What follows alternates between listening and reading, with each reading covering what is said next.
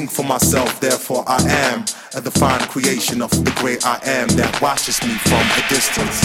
Perpetual is the love that heals my blisters.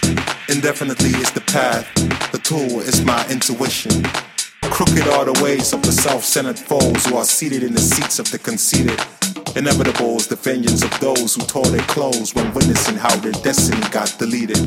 If freedom is a hoax, the cause and effect is repeated infinitely until there's nothing left for us to proceed with.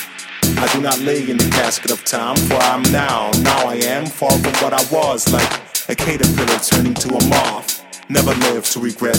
Before you regret living in your loss, you must trust your intuition.